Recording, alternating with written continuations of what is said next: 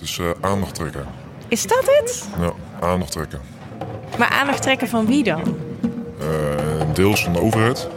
En deels van de, van de mensen die uh, er alles in beheer hebben. Dus we moeten gewoon beveiliging hoger zetten.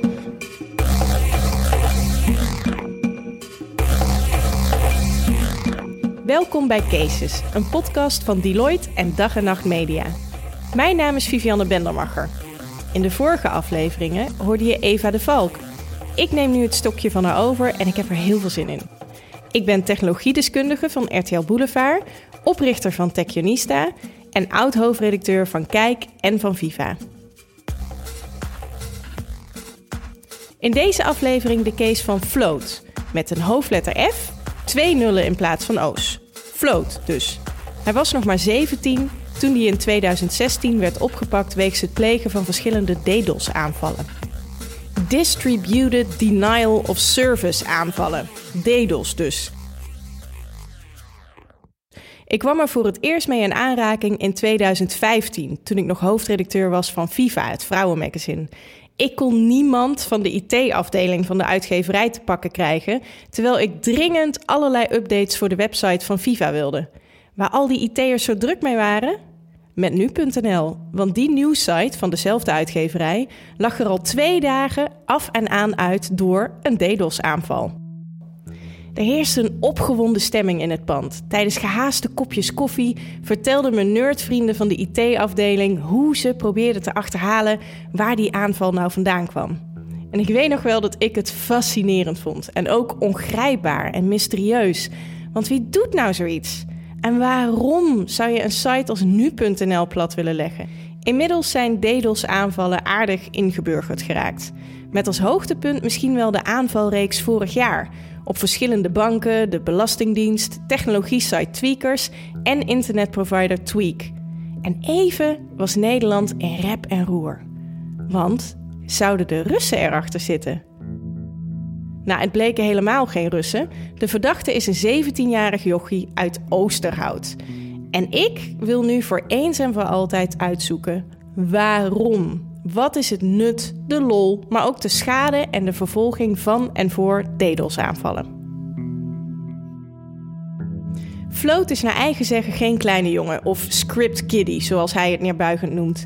Hij is de leider van Anon GreySec, dat is een hackersformatie die al flink wat op zijn kerfstok heeft, wat uiteindelijk dus leidt tot de arrestatie van Float. Nu, een paar jaar later, wordt hij nog altijd in de gaten gehouden door justitie. Althans, dat vertelt hij me aan de telefoon. Via via ben ik hem op het spoor gekomen. En als ik over DDoS-aanvallen wil praten, nou dan moet ik hem hebben. Hij is bang dat zijn internetverkeer onderschept wordt. En als ik met hem wil afspreken voor dit interview, neemt hij voorzorgsmaatregelen. Ten eerste laat hij me beloven zijn stem te vervormen. En vervolgens moet ik naar het centrum van een stad in Noord-Holland rijden. En daar moet ik dan wachten totdat ik hem kan bellen. En dan geeft hij telefonisch aan me door waar ik hem kan ontmoeten. Het wordt een cafeetje. Daar wacht ik samen met producer Volkert tot ik door iemand word aangesproken. Ik heb tenslotte geen idee hoe hij eruit ziet. Ik weet niet eens zijn naam. Maar ik ga er maar even vanuit dat een beetje hacker al lang een aardig profiel van mij heeft opgesteld, dus hij zal me vast wel vinden. Voor ik het weet, schuift een heel beleefde jongen, hij noemt me mevrouw, van een jaar of twintig bij me aan tafel. Geen sociaal ongemakkelijke slungel, wat ik stiekem wel een beetje verwacht had, maar een zelfverzekerde, goed gebouwde twintiger. Met een hoodie, dat dan weer wel. De vraag die eerst op mijn lippen brandt is: hoe dan? Hoe is deze jongen in de wereld van cybercrime verzeild geraakt? Het begon allemaal op zijn twaalfde, vertelt hij. Hier dus met vervormde stem. Nou, ik was een spelletje aan het spelen op de computer. Uh, dat was online op een server. Uh, toen werd ik zelf uh, Zodat ze mij dan, zeg maar, in-game konden ze mij dan aanvallen zonder dat ik iets terug kon doen. En je werd dan even gefreezed in een game, zal ik maar zeggen? Is dat het dan? Ja, mhm. je bleef dan ongeveer 10 minuten lang bleef je wel in de game, maar je kon niks meer doen. Maar omdat mijn internet eruit lag. Maar ik bleef wel in die server staan. Omdat je staat ingelogd, zeg maar. En nou, dat was me een paar keer overkomen. Toen ging ik dus zeuren bij die gasten van hey, hoe, hoe heb je dat gedaan? Ik wil dat ook kunnen, want dat is makkelijk. Want dan kan ik ook gewoon een spelletje binnen, zeg maar. Dan schakel je dus eigenlijk eventjes je tegenstander uit. Dat is wat Ja. je doet. Nou, toen eh, ben ik eigenlijk eh, steeds meer ingerold. Ik vond het interessant. En uiteindelijk krijg je ook contact met eh, andere gasten die dat ook doen. En dan kom je, krijg je weer in contact met gasten die nog veel hoger zijn, veel beter en veel meer kunnen. En lang, meerdere jaren doen, zeg maar. En daar leer je van. En dan ga je onderling een beetje, eh, handelen en zo met, eh, met, eh, met tools en scripts en zo. En zo kom je steeds hoger en verder. Steeds hoger en verder, ja. Tot het geen qua jongensstreken en games meer zijn, maar ontwrichtende DDoS aanvallen in het echte leven. Float dist vol trots een lijstje op met websites als die van KPN, NOS, NPO, Ziggo, Nu.nl, SNS en RTL XL. Maar eigenlijk zijn dat vooral oefeningen voor wat de echte aanval moet worden. Die op de Belastingdienst. Op 26 maart 2016 tweet het Anon Graysec-account, waarvan Float naar eigen zeggen dus de leider is. 1 april 2016. Aanval op belastingdienst.nl. Nee, geen 1 april grap. Maar die aanval wordt dus nooit uitgevoerd, want vlak ervoor wordt Float opgepakt. En niemand van de hackersformatie zet de aanval uiteindelijk door. Oké, dus je, je besluit met z'n allen, Belastingdienst wordt een target nu. En dan? Hoe, hoe werkt dat dan? Je gaat achter je computer zitten. We hebben een eh, best wel groot botnet. Een botnet houdt in, eh, je hebt eh, één pion. Dat is je, je eigen computer. Die verbindt zich met een server. Eh, op die server staat, eh, staat een malwareprogramma. En dat virusje wat je dan kan verspreiden, bijvoorbeeld via e-mail of wat dan ook. Of dat kun je gewoon op een website zetten en iemand downloadt dat. En Neem je bent, eh, automatisch bent geïnfecteerd. Ja. Het is trouwens totaal niet terug te vinden in je hele computer niet, in je netwerk niet, helemaal niks. Ja, zoveel duizenden mensen hebben dat geïnfecteerd op hun computer. Daar hebben ze niet door, daar hebben ze geen last van, helemaal niks. Dus voor de rest niet schadelijk. Dus dat ene servertje die stuurt dan eh, hetzelfde bericht door naar al die geïnfecteerde computers. Nou, het hoeft niet alleen computers te zijn, het kan bijvoorbeeld ook een, eh, een, computer, een internetgestuurde lamp wezen. Dat is net, net wat het is. Best wel grappig eigenlijk. Of een tosti-apparaat of wat dan ook. Als het maar verbinding met internet Ja, als heeft. het maar is verbonden met internet. En het pakket dat door kan sturen, zeg maar. Je moet het zien alsof jij, een, alsof jij post stuurt van, eh, van jouw huis naar, eh, naar, eh, naar een postbus. Wat dan weer doorgestuurd wordt naar een postkantoor. En dan worden in één heel veel, heel veel postpakketten overal doorgestuurd. Maar zo werkt eigenlijk ook een botnet. Ja, we hadden zoveel geïnfecteerde postpakketjes, zeg maar. Dat elk postpakketje kan dan tegelijkertijd naar één IP-adres, dus naar één server, kunnen ze tegelijkertijd sturen. Maar als je dat elke milliseconde laat doen, dan is het binnen, binnen twee milliseconden ligt jouw internet uit. Maar is het dan, je opent je laptopje en je tikt ergens in een of ander formatje, zeg je ga maar naar nu.nl en dan begint de boel te draaien? Of moet je echt gaan, moet je een code schrijven? Of, Nee, ik, eh, ik verbind me gewoon met de server. Daar heb ik het eh, programma op staan. Dat ik zelf geschreven heb natuurlijk. Anders is het wel een beetje heel erg eh, kleuterig. Kijk je daarop neer trouwens? Want je kunt natuurlijk ook op de dark web gewoon een of andere stresstest laten ja, draaien. Kijk, daar kijk ik wel heel erg op neer. ja. Dus jij bent wel iemand, jij schrijft zelf Ja. het script om dit te doen. Ja. Het is tegenwoordig ook best wel bekend geworden. Het is het uh, Mirai-botnet. Wij, eh, het is van ons. Het is niet eh, van de mensen die het eh, claimen op internet. En het is eh, het grootste en sterkste botnet ter, ter wereld.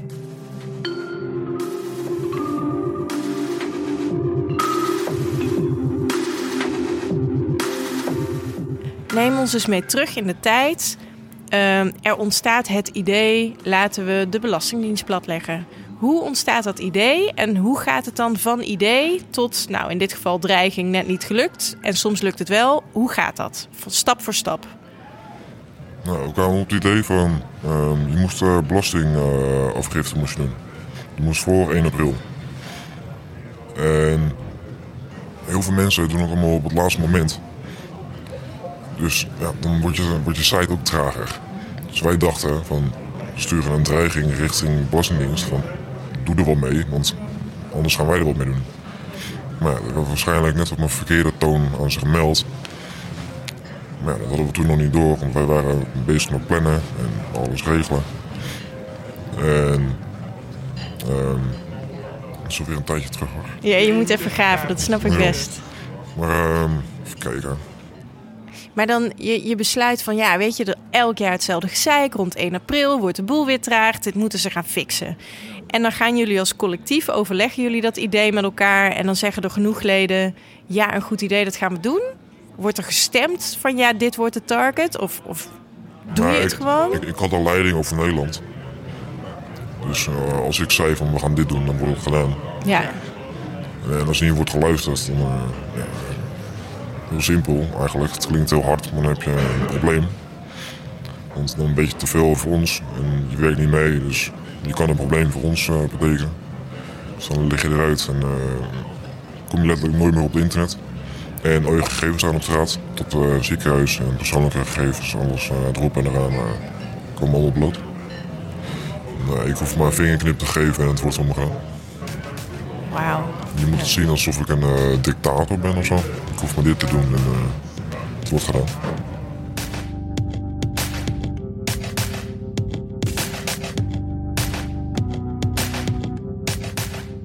Zie jij DDoS als een hack of is het geen hack? Ik zie het niet als hacken. Want dus eigenlijk is het in mijn ogen volledig legaal. Je moet dat zien alsof, ehm, alsof je eigenlijk met duizend mensen tegelijkertijd op één website gaat bijvoorbeeld. Kijk, dat kan, kunnen we nu ook gewoon doen. Dus waarom zou het eigenlijk illegaal zijn en slecht zijn? Terwijl het eigenlijk gewoon... ehm, een, een bepaalde servers kunnen er niet tegen. Stel, wij gaan nu met z'n allen, als heel Nederland zijn, om tegelijkertijd naar één website toe. Dan kan die website dat ook niet aan, dan kapt hij er ook mee. Maar als jij dus eh, heel veel lege pakketten stuurt naar een website wat een aanval eh, inhoudt, dan is het eigenlijk precies hetzelfde. Alleen je doet het vanaf, vanaf één kant, als één persoon zijnde. Maar zeg je dan daarmee eigenlijk, dan is de website die het niet trekt, die moet maar zorgen dat de capaciteit zo goed is dat hij het wel trekt? Ja, precies. Dus eigenlijk schuld dikke bult. Ja, En nou, jij begon daar eigenlijk mee vanuit de gedachte van... hé, hey, het is wel handig met dat gamen en hey, dat, dat voordeel snap ik heel goed. Maar een belastingdienst, een NOS, een Nu.nl, waarom zou je dat willen platleggen? Wat is daar, is dat een soort sport? Is er iets anders mee te winnen? Waarom doe je dat? dus eh, aandacht trekken. Is dat het? Ja, aandacht trekken. Maar aandacht trekken van wie dan? Eh, deels van de overheid en deels van de, van de mensen die eh, alles in beheer hebben. Ze moeten gewoon beveiliging hoger zetten. Ze moeten gewoon het maximum aantal verkeer wat ze toelaten, moeten ze hoger zetten. Stel er ge- gebeurt wat in, in een noodsituatie. Op tv zeggen ze bijvoorbeeld van je moet nu daarheen om dit en dat uit te voeren. Omdat het moet, want we zitten waarschijnlijk in een oorlog. Of weet ik het wat. Dat kan dan niet omdat die website dat niet aan kan. Als ze daar gewoon wat meer tijd in besteden, en meer tijd ste- meer geld ook in steken, dan kan dat wel. En dat kan je dus laten zien met een DDoS-aanval.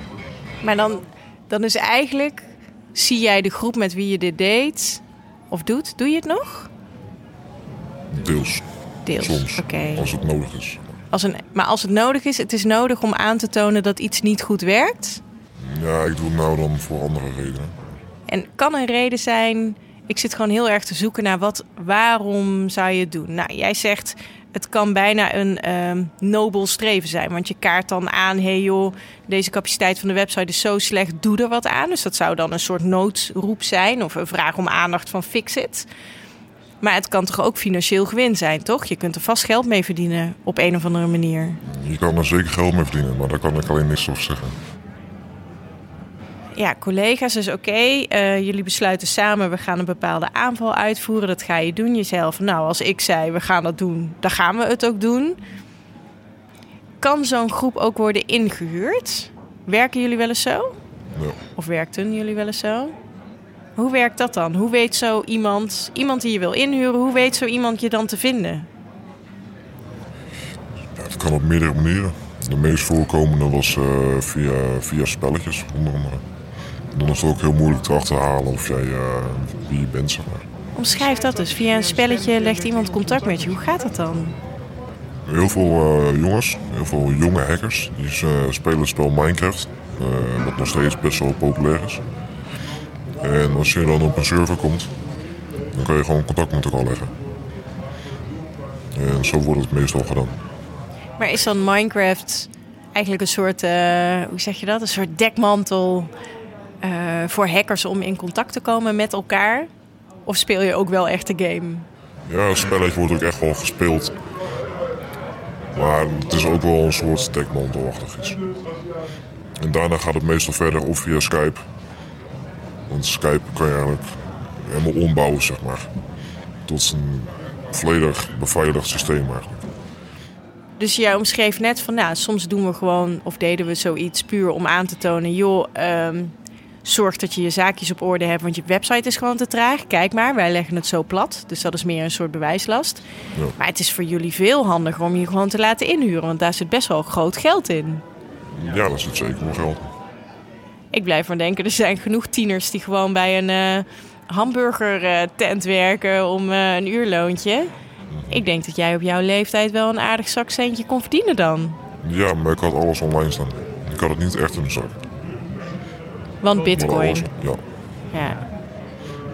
Alles wat we eigenlijk verdienen, dat staken we weer in, uh, in het team, zeg maar. Om uh, alle programma's uh, nog, nog beter te krijgen, nog groter te maken. Nog meer uit te breiden. Zodat we nog meer kracht hadden. Nog meer macht. Want macht was ook wel echt een groot punt. Ja? Omschrijf dat eens. Wat is dat dan? Nou, al heb je macht binnen de scene, dan doen andere groeperingen doen, durven niks tegen te doen. En het is eigenlijk ook wel een beetje een verslaving. Hoe voelt dat? Hoe, hoe ziet dat eruit? Van, word je onrustig? Denk je, oh, ik moet, ik moet weer even, want ik, uh, ik word onrustig? Hoe is zo'n verslaving? Nee, nee, dat niet. Het is niet uh, dat je er onrustig van wordt of zo. Het is gewoon, als ik dik op een computer, kan ik hem niet normaal gebruiken. En ik kan bijvoorbeeld niet uh, gewoon normaal naar een website gaan. Ik moet, ik moet er echt wat mee doen om op die website te gaan. Weet je. Ik moet echt alles checken en kijken of er gaten in zitten. En die verslaving houdt dan echt in van... Um, al doe ik het een week niet, dan moet ik wel echt wat gedaan hebben. Om toch wel een beetje rust te pakken. Maar ik, ik ga er niet van lopen shaken en zo. Dat, dat, dan, dat er niet. Het gaat wel heel erg ver. Ben je er zelf wel eens bang voor dat het jou kan overkomen? Ze hebben het geprobeerd. Maar het is nog nooit goed. Omdat jij jouw gegevens heel goed hebt afgeschermd? Of, of waarom is het nooit gelukt? Mijn ouders zeiden vroeger altijd van...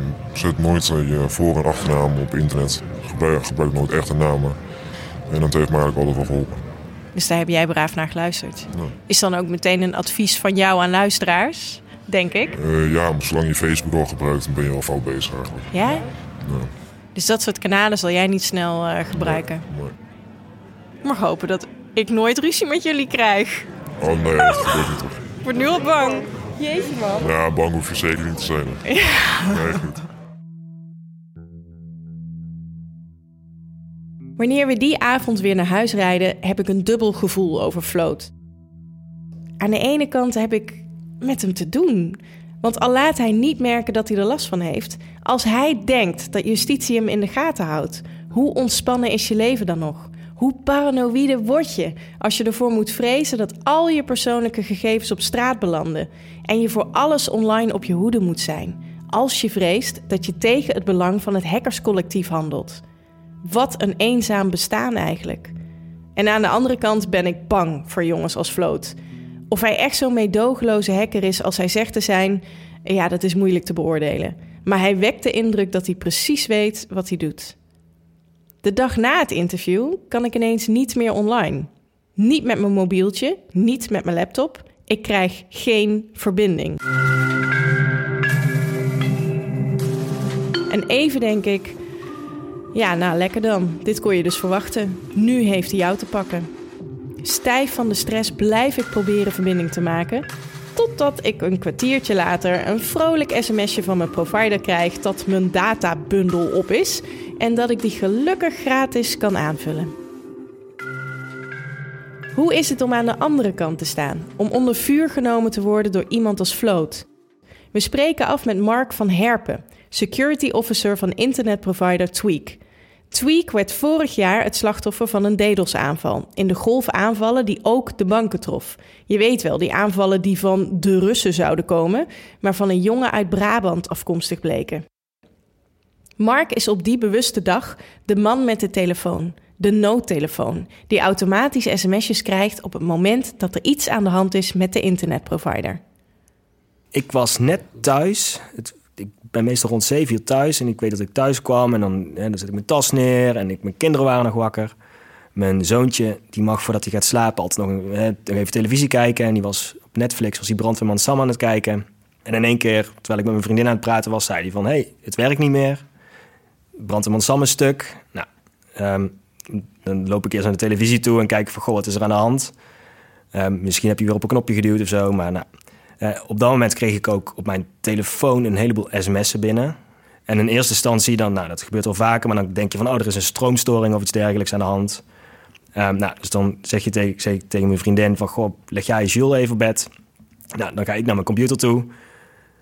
Nou, wat er dan gebeurt is van, je kijkt van, uh, uh, heb ik zelf nog internetverbinding? Nou, en op dat moment dacht ik, nou, het is wel heel traag allemaal, ik kan nergens bij. Nou, dan denk je van, goh, er is iets stuk. Kan ik een collega appen van, goh, zie je dit? Van, er, gaat iets mis. Ik denk dat ik toen gezocht heb naar mijn tweede telefoon... waarbij je dan een, een hotspot kan maken... en zorgen dat ik mijn laptop bij de hand heb. Kijk, ik, ik wil een verbinding maken, kijken wat er aan de hand is. Nou, op dat moment kreeg ik wel door van... Goh, het is geen stroomstoring, want de sms'en bleven binnenkomen... En daaruit bleek wel van, goh, het is niet op één locatie, maar er zijn meerdere dingen stuk en rare dingen gaan er mis. En uh, dit is niet meer bereikbaar en dat niet meer bereikbaar. Nou, en dan snel, ja, dan ga je toch wel denken van, goh, het is geen stroomstoring, het is een DDoS. Hoe reageer je dan? Wat was je gevoel op dat moment? Nou, dan, Stress of juist Nee, dan is het eerst zo van, het eerste is gewoon, oh, dat je weet van, oké, dit is niet in vijf minuten opgelost, wat ook wel eens voorkomt. Dan denk je van, nou, dit heb ik zo opgelost, of het kan even wachten, of hier, eh, dit is geen impact, dit zie ik alleen als, eh, als dienstdoende storingsdienstpersoon op dat moment. Maar dit was wel zo dat je door hebt van, goh, ik ben niet de enige die hier last van heeft. En dit is niet, het, niet alleen mijn zoontje en ik hier, maar dat zijn alle klanten. Nou, dus dan weet je wel van, goh, dit heeft wel echt aandacht nodig. En je wordt chagrijnig, want je denkt, ik heb gepland om vanavond nou, een avondje op de bank te zitten of eh, met vrienden weg te gaan of wat dan ook. Maar je weet al van, goh, mijn hele avondplanning, die eh, loopt in de war. Plus, ja, je wilt zo snel mogelijk oplossen. Je hebt toch een soort van eh, ja, gevoel van, nou, ik wil niet dat andere mensen hier last mee, krijgen. Dan zoek je je spullen bij elkaar en je gaat kijken van, goh, wat is er aan de hand? Nou, en dan is het eigenlijk raar dat een DDoS eh, zoveel impact heeft. Want dat is op onze eh, systemen zijn eigenlijk zo dat ze dat inkomend verkeer wel filteren. Want DDoS komen relatief vaak voor. Ja, niet, ik wil niet zeggen iedere dag, maar wel toch wel meerdere keren per week. En de systemen zijn zo ingericht dat ze dat zelf automatisch afvangen. We krijgen daar wel een melding van, maar dat is eigenlijk gaat voor klanten. Ja, die hebben daar eigenlijk die hebben, die hebben daar normaal gesproken geen weet van. Ja, want kun je dat even omschrijven? Hoe gaat dat normaal? Jullie liggen wel vaker onder vuur, want zo werkt dat met DDoS-aanvallen. Wat gebeurt er normaal bij een DDoS-aanval? Mm, normaal gesproken, dan, ja, ik wil niet zeggen dat een DDoS normaal is, maar goed, als stel een, een normale DDoS die wel vaker voorkomt, dan merken systemen van, goh, er is een ongebruikelijke hoeveelheid inkomende pakketten of inkomend dataverkeer, wat normaal gesproken helemaal niet zo is. Nou, dan zijn er systemen die maken een, een soort van eh, snapshot van al het internetverkeer wat op dat moment over die verbinding heen gaat. En dat is dan een snapshot van een halve seconde of zo. En dat wordt heel snel geanalyseerd en dan wordt vergeleken met een, normaal patroon. En al heel snel dan, dan blijkt daaruit van, goh, het doelwit is bijvoorbeeld eh, dit IP-adres. Of, eh, en op basis van wat er aan de hand is, is er software en die grijpt erop in. Dus die knijpt de inkomende verbindingen op, op basis van het doelwit. Alleen in dit specifieke geval was het dus wel zo dat nou, niks werkte meer. En dat is eigenlijk niet hoe, onze, ja, hoe het zou moeten werken. Dus daar baal je dan ook wel van. En daarom is ook niet is het geen, eh, als er iets stuk gaat, denk je eerder aan een stroom- of een hardwareprobleem dan een DDoS. Want ja, dat gebeurt eigenlijk zelden dat we daar echt, echt zoveel last van hebben. Plus, die dag was het best wel in het nieuws geweest dat er heel veel DDoS-aanvallen waren. Wat ik me kan herinneren is dat er banken waren slachtoffer van DDoS-aanvallen overdag op een maandagmiddag. Ehm, En er waren uh, de Belastingdienst, volgens mij nog wat andere instanties waren slachtoffer van DDoS-aanvallen. Dus al snel denk je van, goh, zouden wij dan ook slachtoffer zijn van DDoS-aanvallen? Nou, dat is een beetje raar, want er werd toen gedurende de dag werd er flink gespeculeerd van het zijn de Russen die Nederland uh, willen, een wraakactie willen nemen op Nederland. En nou, dat was hier toevallig op, tijdens de lunch uh, hier op het op kantoor was het ook al het gespreksonderwerp. Want nou, waarom zou Rusland nou wraak willen nemen? Op, op Nederland. Nou, en dan ga je zelf nadenken. Nou, waarom zouden ze nou een kleine internetprovider in Nederland als, als doelwit hebben? Als, of, voor een wraakactie van, van iets wat, uh, wat de Nederlandse inlichtingendiensten hebben uitgespookt in Rusland. Nou, dus dat was nog wel ver gezocht, maar ja, het gaat wel door je hoofd heen. Heb je het even gedacht? Nou, dat je denkt, de Russen vinden ons blijkbaar interessant. Ja, maar op dat moment denk je wel van, goh, zijn wij niet, zijn wij misschien niet de enige? Want het zou kunnen, inderdaad, stel het zou een, een, een hele grote internetaanval zijn, nou dan zouden alle andere internetproviders ook doelwit uh, zijn, wellicht. En ondertussen waren we nog steeds doelwit van die DDoS. En nou, we waren druk aan het zoeken hoe het kon dat, nou, dat, we, die, dat we dit niet konden stoppen. Nou, ehm, wat we toen zagen was dat het verkeer echt, de DDoS, inkomend DDoS-verkeer, dat veranderde. En dat bleek in één keer het doelwit te hebben onze website. Nou, en dat was toen wel zo dat we dachten van oké, het is wel echt gericht nou op tweak. Het is niet zo dat ze, dat ze iets uh, gewoon een klant, een eindgebruiker of zo. Het gaat niet bezig. om de service die jullie mm, leveren. het gaat specifiek om, om jullie eigen... Juist, het gaat echt om tweak. Nou, en toen werd het in één keer heel stuk makkelijker om het te stoppen. Want dan is het gewoon puur één doel, tweak de website. Nou, dat kun je heel makkelijk stoppen. En toen kregen we ook door hoe het kwam dat we het in eerste instantie niet tegen konden gaan. Het bleek namelijk dat um, de aanvaller waarschijnlijk een typfout of heel veel geluk heeft gehad. Maar die heeft een IP-adres als doelwit gekozen, wat eigenlijk helemaal niet bekend wordt, wat niet gebruikt is, maar wat ook door onze monitoring software niet opgepakt werd. Dus er zat gewoon een fout, gewoon puur een, een menselijke fout in onze detectiesoftware, waardoor we dat soort type aanvallen niet konden detecteren en dus ook niet konden blokkeren. Het heeft ongeveer twee uur geduurd, hè, van half acht tot, tot negen uur, half tien. Toen ehm, toen hadden we het onder controle. Maar dat was niet echt omdat wij het helemaal goed konden afweren, omdat het ook gewoon stopte. Nou, dan is het wel, dan ga je achterover hangen en denken van, goh, wat is er eigenlijk gebeurd? Oké, nou, de collega's op de hoogte van het is, is gestopt. Nou, dan is je, zit je vol adrenaline. Want je hebt echt heel hard gewerkt waar je net helemaal niet van plan bent. Je bent echt helemaal uh, nou, vol gefocust.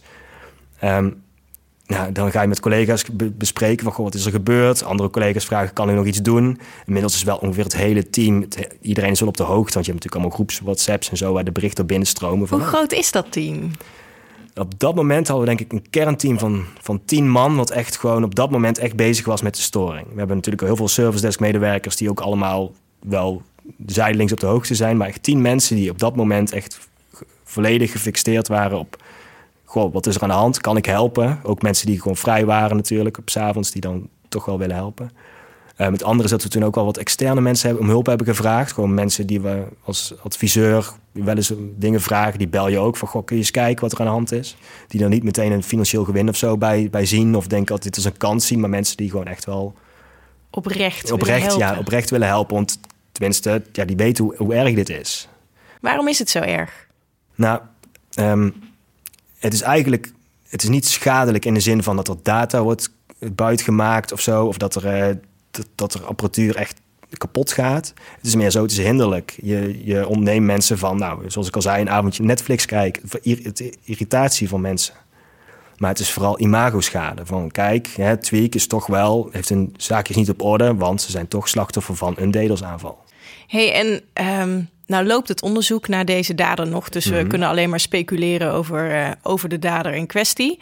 Maar eh, had je nou met jouw team of jijzelf wraakgevoelens naar die persoon? Of nee, heb je dat nee, helemaal niet? Nee, want het, het is helemaal niet technisch om zo'n DDoS-aanval te starten. He, je, je, nou, het is niet zo dat ik denk dat je het in 10 minuten uitgelegd krijgt. Hoe doe je dit nou? Het is helemaal geen technische expertise of zo van zo'n van zo'n persoon.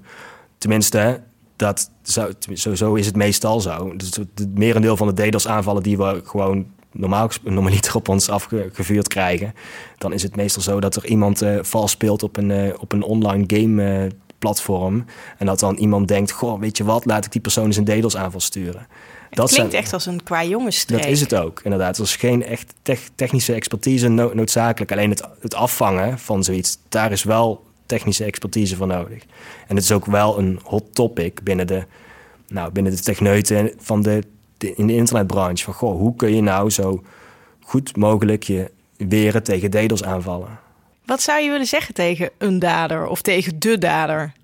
Ehm, nou, ik hoop in ieder geval dat zo'n dader niet denkt dat hij technisch heel bijzonder is of zo. dat, dat is het niet. Het moet zich niet zeggen van, goh, ik ben een stoere hacker.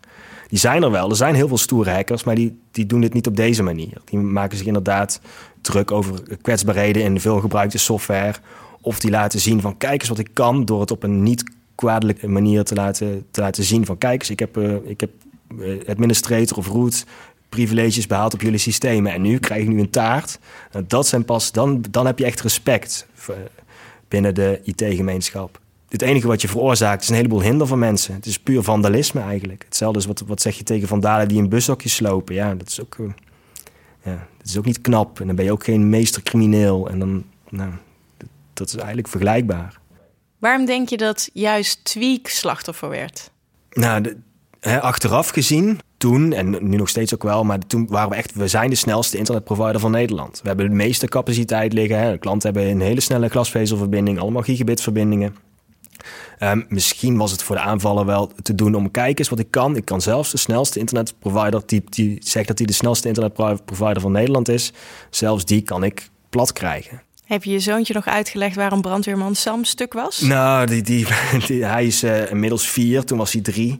Dus uh, hij weet alleen dat ik af en toe het internet ga maken. En dat is, dat is voor hem meer als voldoende. Dus misschien ga ik hem wel ooit uitleggen wat een DDoS is... en waarom je dat vooral niet moet gaan doen als hij later wat groter is. Tenminste, ik weet wel zeker dat ik hem dat ga, ga uitleggen. En tot die tijd blijf tot jij tijd, gewoon de held die het internet af en toe maakt. Juist, inderdaad. Ben ik super papa. Oh, wat een mooie rol thuis.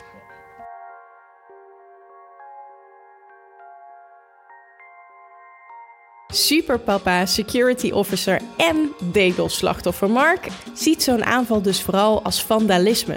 Het gevolg is veel gedoe, irritatie en imagoschade. Maar als het puur vandalisme is, waar komen dan die wilde verhalen over de Russen vandaan? Waarom duiken er altijd snel verhalen over cyberwarfare op? Dan is er toch meer aan de hand? Ik vraag het aan Inge Philips, het hoofd van cybersecurity bij Deloitte. Nou, vandalisme veronderstelt dat het ongestructureerd en zonder winstoogmerk is. En dat is niet het geval uh, in veel gevallen. En het, het is er zeker ook. Het is ook vandalisme. Maar er wordt ook beroepsmatig gededost om verschillende redenen. Dat kan zijn uh, om de concurrentie de pas af te snijden. En concurrentie kan je heel breed opvatten. Dat kan het ene bedrijf tegen het andere zijn, maar het kan ook het ene land tegen het andere zijn het uit de lucht schieten door middel van DDoS van een elektriciteitsnet, dat is gewoon een interstatelijke aanval. Dus dat is zeker geen kinderspel, dat is zeker geen vandalisme. Er zijn heel ernstige vormen in te zien. Toen de, uh, de grote golf aan DDoS op de Nederlandse banken was, nu een jaar geleden, was een van de scenario's die uitgebreid in de pers werd, uh, waar uitgebreid over werd gespeculeerd, was dat het uit Rusland zou komen. En dan zou het een aanval zijn geweest van de Russische overheid op het Nederlands uh, bankaire systeem. En dat was niet zo. Het is wel mogelijk dat staten dit doen. En het vervelende is, je weet nooit zeker van tevoren wat het is. Als je niet weet van tevoren wat het is, dan moet je dus heel objectief gaan kijken. En oppassen dat je niet meteen die tunnel induikt van het zal wel daar of daar vandaan komen. Niet geheel toevallig had deze aanvaller ook uh, een pad gemaakt, een aanvalspad dat via Russische servers liep om de indruk te wekken dat het uit Rusland kwam. Moet je voorstellen dat zo iemand het op zijn geweten heeft dat er een tegenaanval komt vanuit Nederland tegen een ander land. Daar moet je toch even niet aan denken. Maar dat is zeer wel mogelijk dat dat soort scenario's zich gaan voltrekken. Maar het kan ook zijn afleiding. Dat was ook een scenario dat bedacht werd bij de DDoS op de banken destijds. En andere DDoS'en die eh, plaatsvinden en dat, dat is ook een heel reëel scenario, dat je een DDoS-aanval uitvoert op het uh, naar buiten gekeerde deel van dat bedrijf, omdat je intussen aan de achterdeur aan het inbreken bent. Omdat alle aandacht van zo'n IT-afdeling op dat moment gaat naar het afslaan van die aanval. En dan staat je achterdeur misschien wel open. Inge zegt het al. Je weet niet van tevoren waar een aanval vandaan komt. Attributie is misschien wel de lastigste kant van cybersecurity. Het zou een 17-jarige jongen uit Oosterhout kunnen zijn. Of er zit een hackerscollectief als Anon achter. Of ja, misschien dus toch de Russen. Het is moeilijk te zeggen, zeker als het nog vers is. De dader opsporen is prachtig speurwerk. In de logs van de servers wordt gezocht naar patronen en foutjes van de hacker. In het geval van Jelle S., de Brabantse hacker die ervan wordt verdacht de banken en Tweak te hebben gededelst, werden een paar foutjes gemaakt. Er dook een IP-adres op dat eerder was gebruikt. Er was op het forum een gebruiker die telkens wel heel snel na de aanvallen reageerde. En, helemaal stom, Jelle S. had een beetje geldingsdrang en besloot de aanvallen op te eisen zonder dat hij zijn sporen goed uitwiste. De eindjes werden bij elkaar geknoopt en in februari, een paar dagen later, wordt hij aangehouden. Maar zo makkelijk gaat het vaak niet. En juist de onzekerheid over het motief van DDoS-aanvallen maakt dat justitie er alert op is. Mark van Tweak, die je net hoorde, vertelde me dat de politie er bij Tweak op heeft aangedrongen toch vooral aangifte te doen. En dat gebeurt na een door vandalen gemold bushokje toch zelden. Hoe groot is het probleem van DDoS-aanvallen volgens justitie eigenlijk? Daarover spreken we Martijn Egbers, officier van justitie. Het is een probleem dat al heel lang speelt en het lijkt erop dat het steeds groter wordt, het probleem. Dat heeft er voornamelijk mee te maken dat het steeds eenvoudiger wordt om grote DDoS-aanvallen te plegen, uh, dan wel in te kopen. En dat maakt het probleem van het afdreigen met DDoS-aanvallen of het gewoon plegen van DDoS-aanvallen wel steeds groter. En hoe kan het dat het makkelijker is geworden, denk je?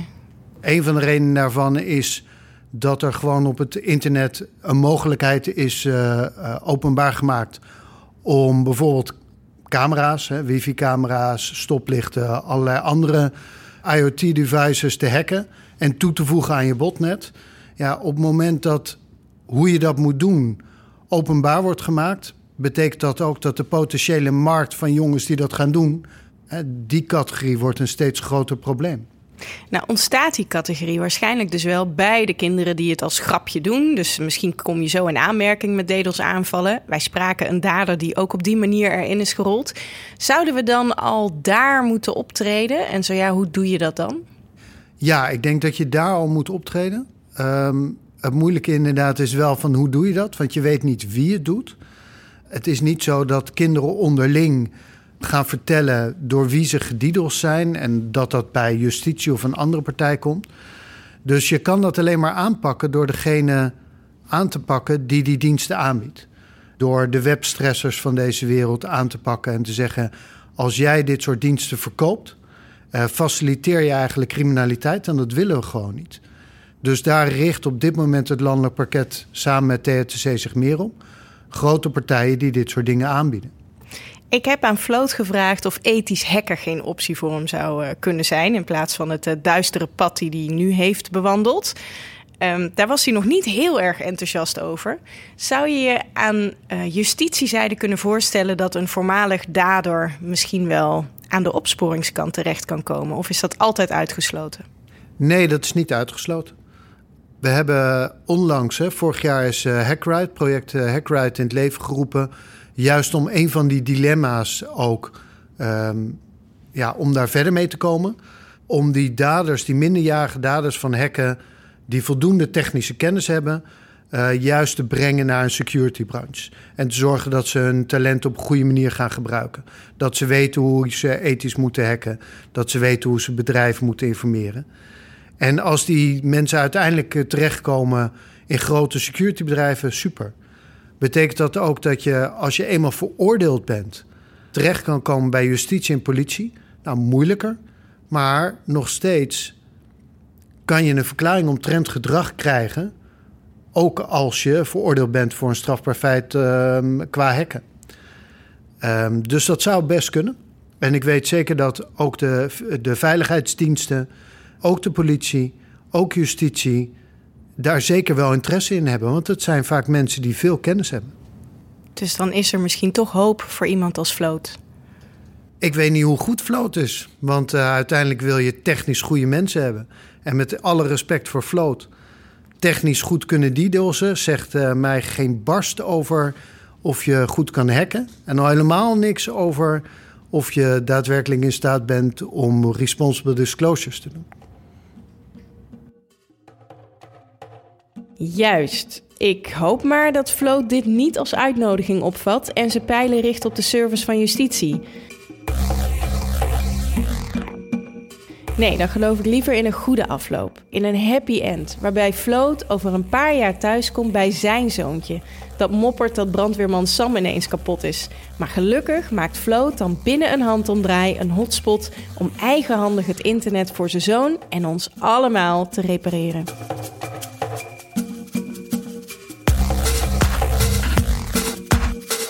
Was Cases, een podcast van Dag en Nacht Media en Deloitte.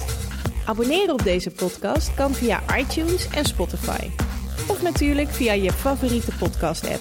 Laat ons weten wat je van deze aflevering vindt in de reviews van iTunes of via Twitter, waar ik te vinden ben via @vbendermacher. Met dank aan de redactie, Tim de Gier en Volkert Koehoorn en natuurlijk aan Dag en Nacht Media en Deloitte. In de volgende aflevering hebben we het over Zero Days. Tot de volgende keer bij Cases.